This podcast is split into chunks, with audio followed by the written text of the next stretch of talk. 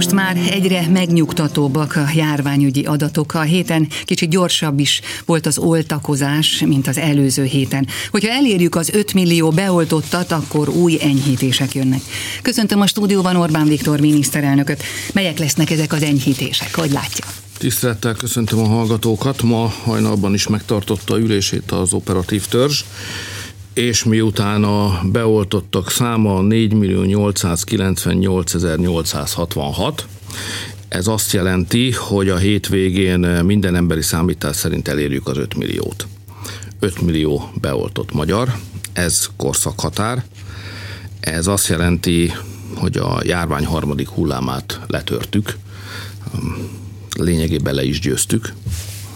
Az emberek, a felnőtt emberek több mint 50%-a Magyarországon átoltott, és az egész Európában azt hiszem a második, első vagy második eh, legjobb eredmény. Ezért eh, kellő szerénységgel, de azt tudjuk mondani, hogy Magyarország ma a járvány szempontjából védettebb és biztonságosabb ország, mint bármely nyugat-európai ország. Most miután az 5 millió valóban egy korszakhatár, az operatív törzs ma úgy döntött, hogy fel tudjuk oldani a járványügyi korlátozások nagy részét. De szeretném azt is mondani, hogy maradnak olyan korlátozások, ami alól csak a beoltottak, vagy a fertőzésen már átesett védettek kapnak fölmentést. Ha megengedi, elmondom, hogy ez a kilenc dolog, hogy az operatív törzs ma reggel elmondott, eldöntött. Az első, hogy a kiárási tilalom az megszűnik. A második, hogy az üzletek eh, és vendéglátó helységek eh, kötelező zárási időpontja is megszűnik.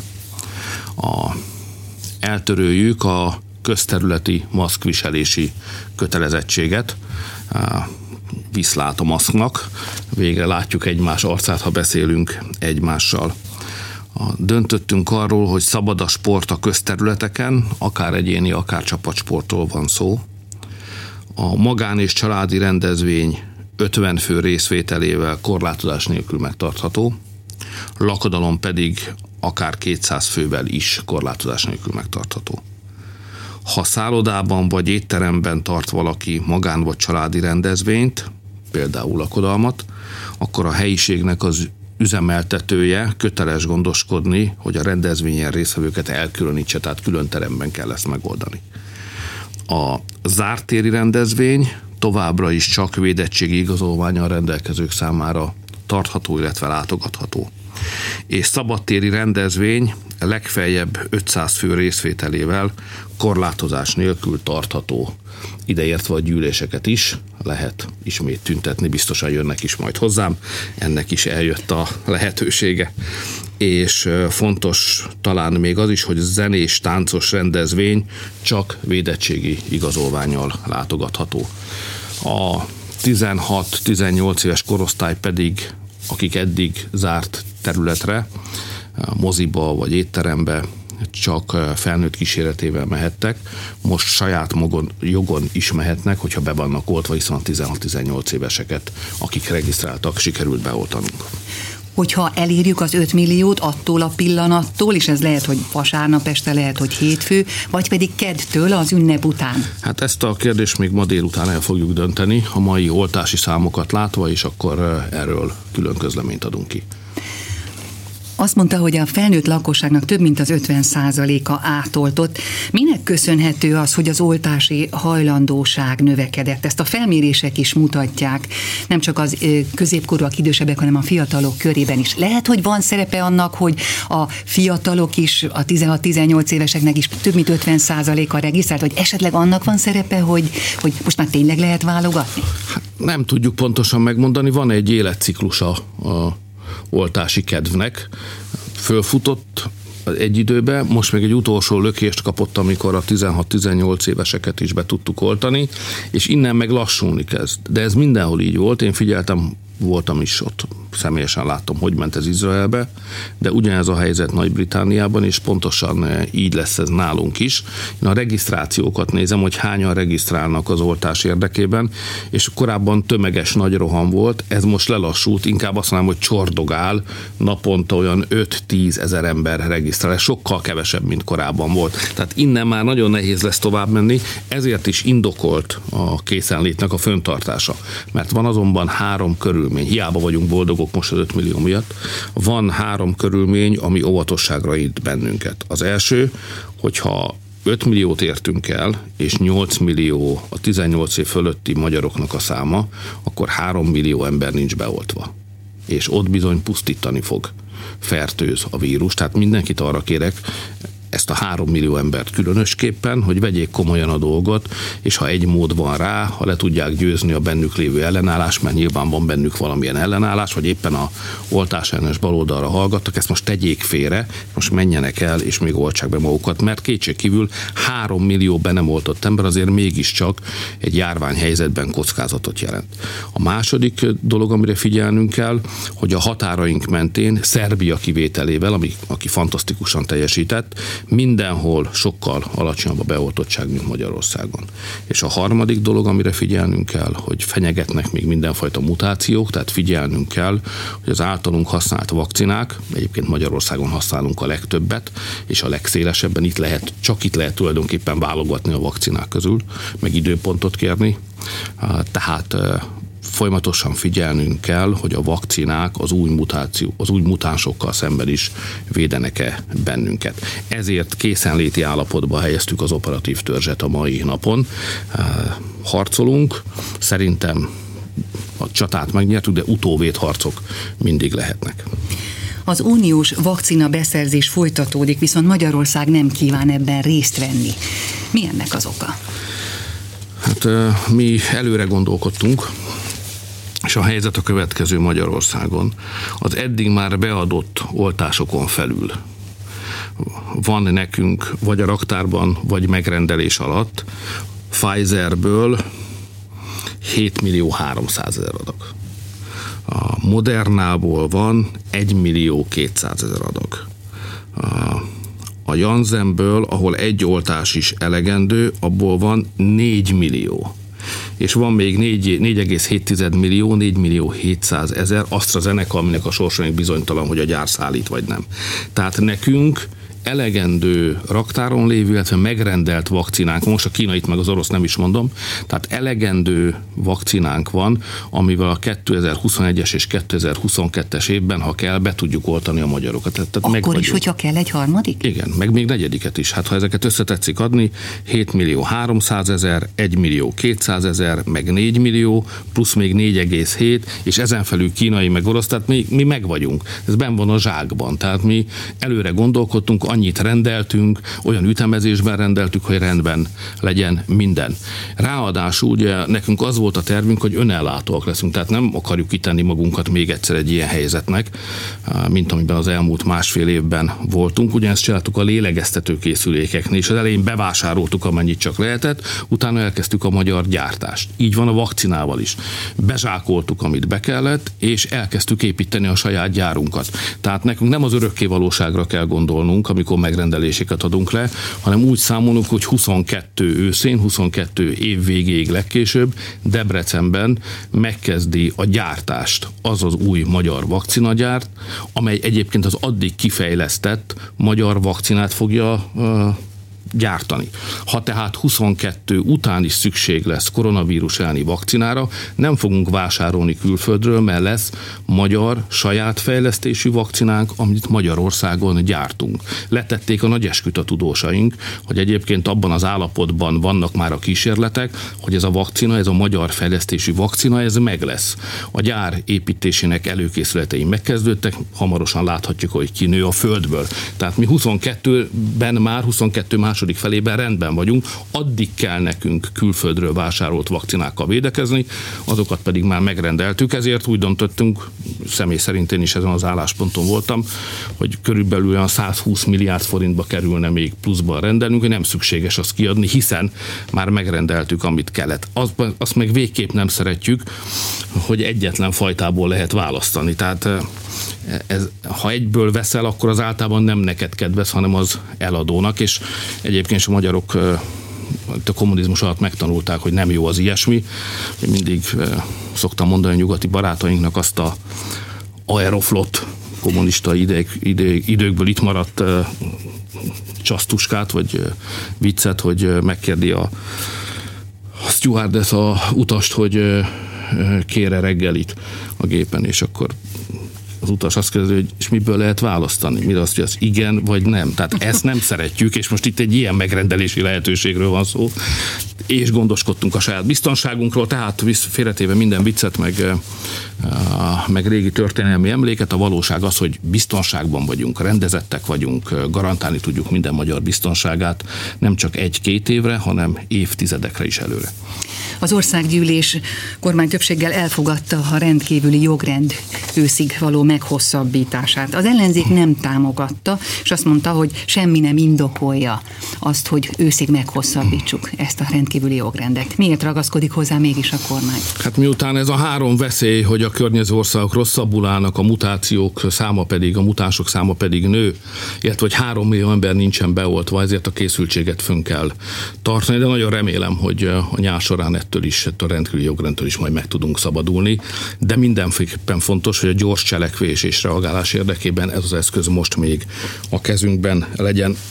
Hát a baloldal nem csak, hogy nem szavazta meg, csúnya dolgokat undok dolgokat mondtak ránk, nem szereti az ember az ilyesmi, de hát eddig sem vettek részt a védekezésben, a nemzeti összefogásnak nem voltak részei, folyamatosan próbálták lejáratni a magyar kórházakat, az orvosokat, és közben lassítani akarták az oltást. A baloldalnak van egy logikája, ezt én értem, ha bár nem szeretem, ez pedig az, hogy ami az országnak rossz, az a baloldalnak jó, mert úgy könnyen megszerezni a hatalmat. Szerintem vírus, válság, járvány idején így viselkedni, ez felelőtlenség, de ez legyen az ő lelkismeretük problémája. A hitelmoratóriumot is meghosszabbította a kormány nyár végéig. Ugye a bankszövetség vezetője azt mondta, hogy a, a bankok úgy látják, hogy a hitelek közül kb. 10% az, ami kockázatos. Lehet, hogy csak ennek a 10%-nak kellett volna meghosszabbítani a moratóriumot? Mi a cél azzal, hogy mindenkinek meghosszabbítják nyár végéig? Hát ennél többről is szó van. Tehát először is igaz, amit ön mond, hogy a kormány döntött arról, hogy a nyár végéig meghosszabbítjuk úgy, ahogy van a mostani hitelmoratóriumot. És a hitelmoratóriumról azt érdemes tudni, hogy két nagy kedvezményezettje van, két nagy csoportja van. Az egyik a háztartások, több mint egy millió háztartásról beszélünk, amiben legalább két ember él, tehát itt sok több millió emberről van szó. A másik pedig a vállalkozások. És a bankoknak kétség kívül terhet jelent elég komoly terhet jelentett, hogy az elmúlt egy évben aki úgy érezte, hogy a helyzete nem teszi lehetővé, szabadon dönthetett úgy, hogy nem fizeti az esedékes törlesztő részleteket, és e, hát így sok tízezer forinttal több maradt egy-egy családnak a kasszájában. A, és válság idején szükség is volt. Ugye ez a kisebb pénzű, vagy a középosztályhoz tartozó embereknek fontos igazán. A gazdagok köszönik, azok meg vannak hitelmoratórium nélkül is jól, tehát nekünk nem velük kell foglalkoznunk, ők élik a maguk életét, és ha baj van, ki is tudják magukat abból húzni, vagy ki tudják segíteni magukat. Azonban a középosztály, meg a kisebb pénzű embereknek nincs ebben a helyzetben nincsenek ebben a helyzetben, és ezért a hitelmoratórium kell őket támasztani. Tehát ezek a, ezek a munkából élő emberek, meg a nyugdíjasok. Tehát a hitelmoratóriumnak a felszámolása, meg kivezetése az egy, az egy komoly szakmai kérdés. És azért hosszabbítottuk meg most két hónappal, hogy időt adjunk magunknak, meg a bankoknak arra, hogy egy élesnek ígérkező vitát lezárjunk, és eldöntsük, hogy mi lesz a hitelmoratórium után. Meg, most két hónapra hosszabbítottuk meg, azért, hogy kitárgyalhassuk, hogy mi lesz utána. Szeptembertől. Tehát, igen, mi lesz szeptember 1 -e után. És ez, láttuk a bankárok, a bankszövetségnek a javaslatait, azok nem fogadhatók el szerintem, de most nem akarom ezt a vitát megelőlegezni, csak érzékeltetni szeretném, hogy nagyon komoly szakmai munkák és viták zajlanak a háttérben, én azt gondolom, hogy nem, nem, nem vagyunk abban a helyzetben, hogy a kispénzű emberek egész egyszerűen csak úgy lemondjanak a hitelmoratórium lehetőségéről és kilépjenek belőle, mert ez sok ezer, esetenként több tízezer forint havi törlesztést is jelenthet. Tehát meg akarjuk őket támasztani, meg akarjuk őket segíteni, ki kell állnunk az érdekükért. Én értem a bankárok érvét is, de azt hiszem, hogy most nem azoknak kell elsőbséget adni. Fontos, hogy a szakmai szempontokat is mérlegeljük, de alapvetően most kifejezetten a munkából élő emberek érdekeiből kell kiindulni. Az első negyedéves GDP adat, ez a plusz, majd plusz kétszázalékos bővülés, növekedés, ez még az elemzőket is meglepte.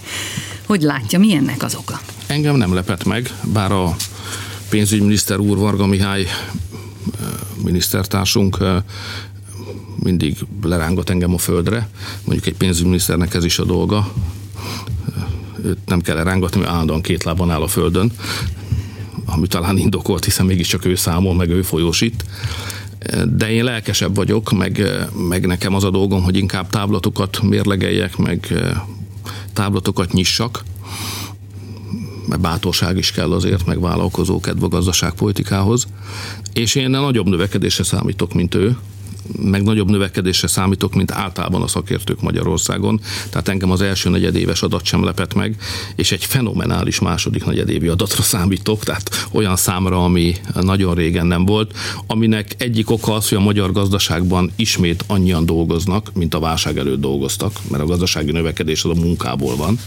Másfelől meg nagyon rossz volt az egy évvel ezelőtti vonatkozó negyedév, tehát az összevetésben a kiinduló pont alacsonyan van. Ez segíti arra azt, hogy most egy jó fenomenális számunk legyen. Aztán jön a harmadik és a negyedik negyedév, ahol szintén erőteljes növekedésre számítok. Én mindig abból indulok ki, hogy hányan dolgoznak. Ha dolgoznak annyian, mint a válság előtt, akkor semmi okunk azt föltételezni, hogy a teljesítményünk nem lesz legalább ugyanakkora, mint a válság előtt volt. És úgy látom, hogy nem csak, hogy annyian dolgoznak, hanem a következő hónapokban nőni fog a munkából élők száma, ők értéket fognak termelni, és ezért nemzetgazdaság, az egész nemzetgazdaság teljesítménye szerintem az a várakozásoknál is jobban alakulhat majd. Ne kiabáljam el, pénzügyminiszter is mondja, hogy ne égyünk előre a medve bőrére, legfeljebb vizet, az igaz, de, de, de bizakodjunk. Én látom a közhangulatot is, sok emberrel találkozok, akikkel a gazdaságról tudok beszélni, és van egy bizonytalanság az emberek fejében. Tehát ők még ne, tehát szeretnének reménykedni, de nem döntötték még el, hogy ez a remény reális-e. Tehát úgy érzik, hogy hát vagy sikerül, vagy nem. Szóval adnak egy komoly esélyt arra is, hogy nem tudunk gyorsan kilábalni ebből a válságból, hiszen ha valaki elvesztette a munkahelyét, vagy, vagy részmunkaidőre szorult vissza, vagy otthon kellett maradni, és onnan dolgozott, azért nekik fölvenni újra a ritmust, megint munkába állni, az biztosan nem könnyű. De összességében szerintem ezt konjunktúra kilátásnak szokták nevezni a mi szakmánkban. Úgy látom, hogy ezek a, az érzetek, érzületek, remények folyamatosan stabilizálódnak, és egyre biztosabb lábakon állnak. Az 5 millió beoltott után eh, akkor a gazdaságban is egy újabb szakasz kezdődhet? Ezt hát, hívjuk újraindításra? Igen, kell egy korszakhatárt húznunk itt is.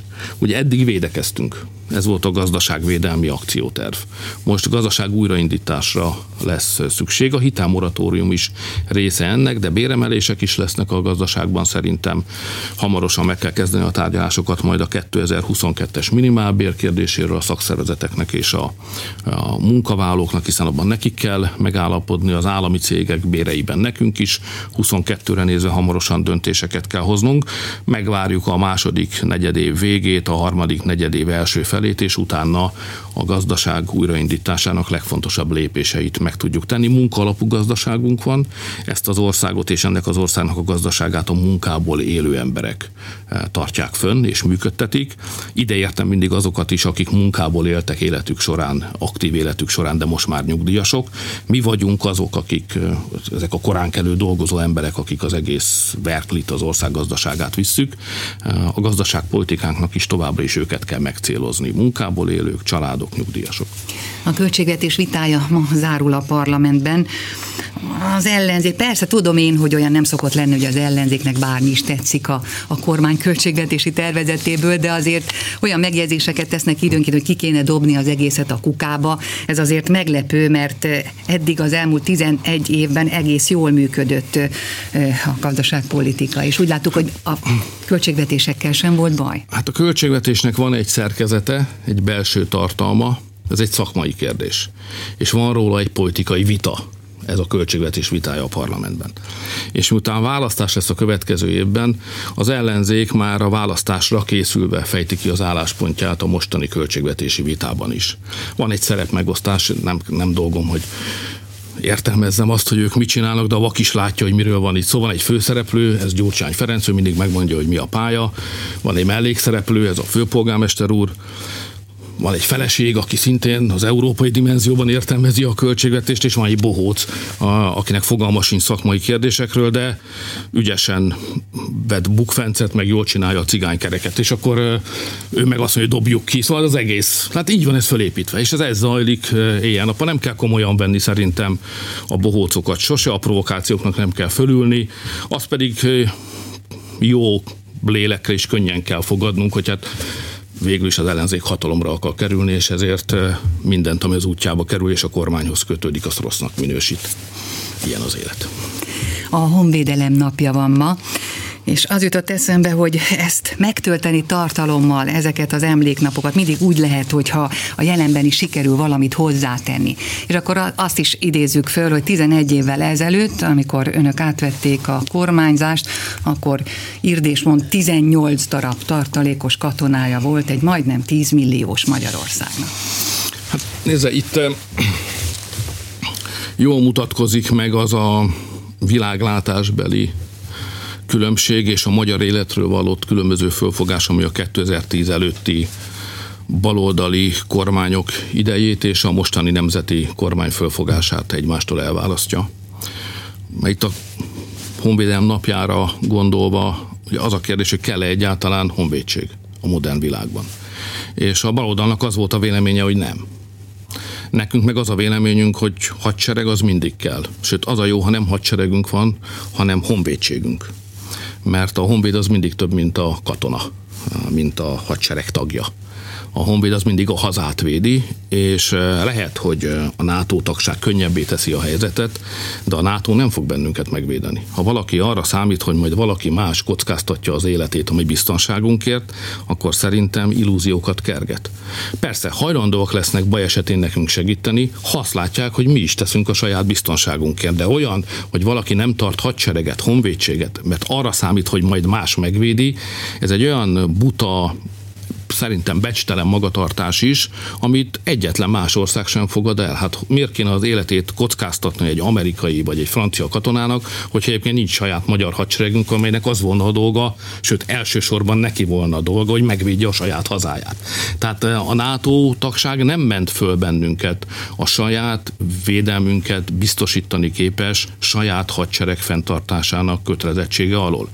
És ezért katonák kellenek, hadsereg kell, honvédek kellenek, a katonáknak, katonáinkat meg kell becsülni, nagyon komoly dolgot tesznek, ők fölesküdnek arra, hogy ha kell, akkor az életük feláldozásával is megvédik a hazát. Rajtuk kívül senki más nem tesz ebbe az országba ilyen esküt, úgyhogy őket nem véletlenül kell a legtöbb ügyben mindig az első helyre tenni, mert lehet, hogy nem lesz háború még nemzedékeken keresztül, adja a Jóisten, hogy így legyen, de ha lesz, akkor ők lesznek az elsők, akik vására fogják vinni a bőrüket, sőt, kötelező oda vinniük. Tehát nagyon meg kell becsülni a katonáinkat, és nagyon fontos, hogy a legjobban képzett emberek teljesítsenek katonai szolgálatot, mert nem csak harcoló rohamgyalogosokra, meg tüzérekre van szükségünk, hanem jó mérnökökre is szükségünk van a hadseregben, meg jó orvosokra is szükségünk van, meg jó kémikusokra, biológiai fegyverekhez értő tudósokra, és így tovább. Tehát én egy erős együttélést szeretnék kialakítani a következő időszakban a hadseregben szolgálatot teljesítő kiváló szakemberek és a honvédelem kérdések között. Úgyhogy most a Honvédelem napján tisztelettel köszöntöm én is a hazát védő katonáinkat.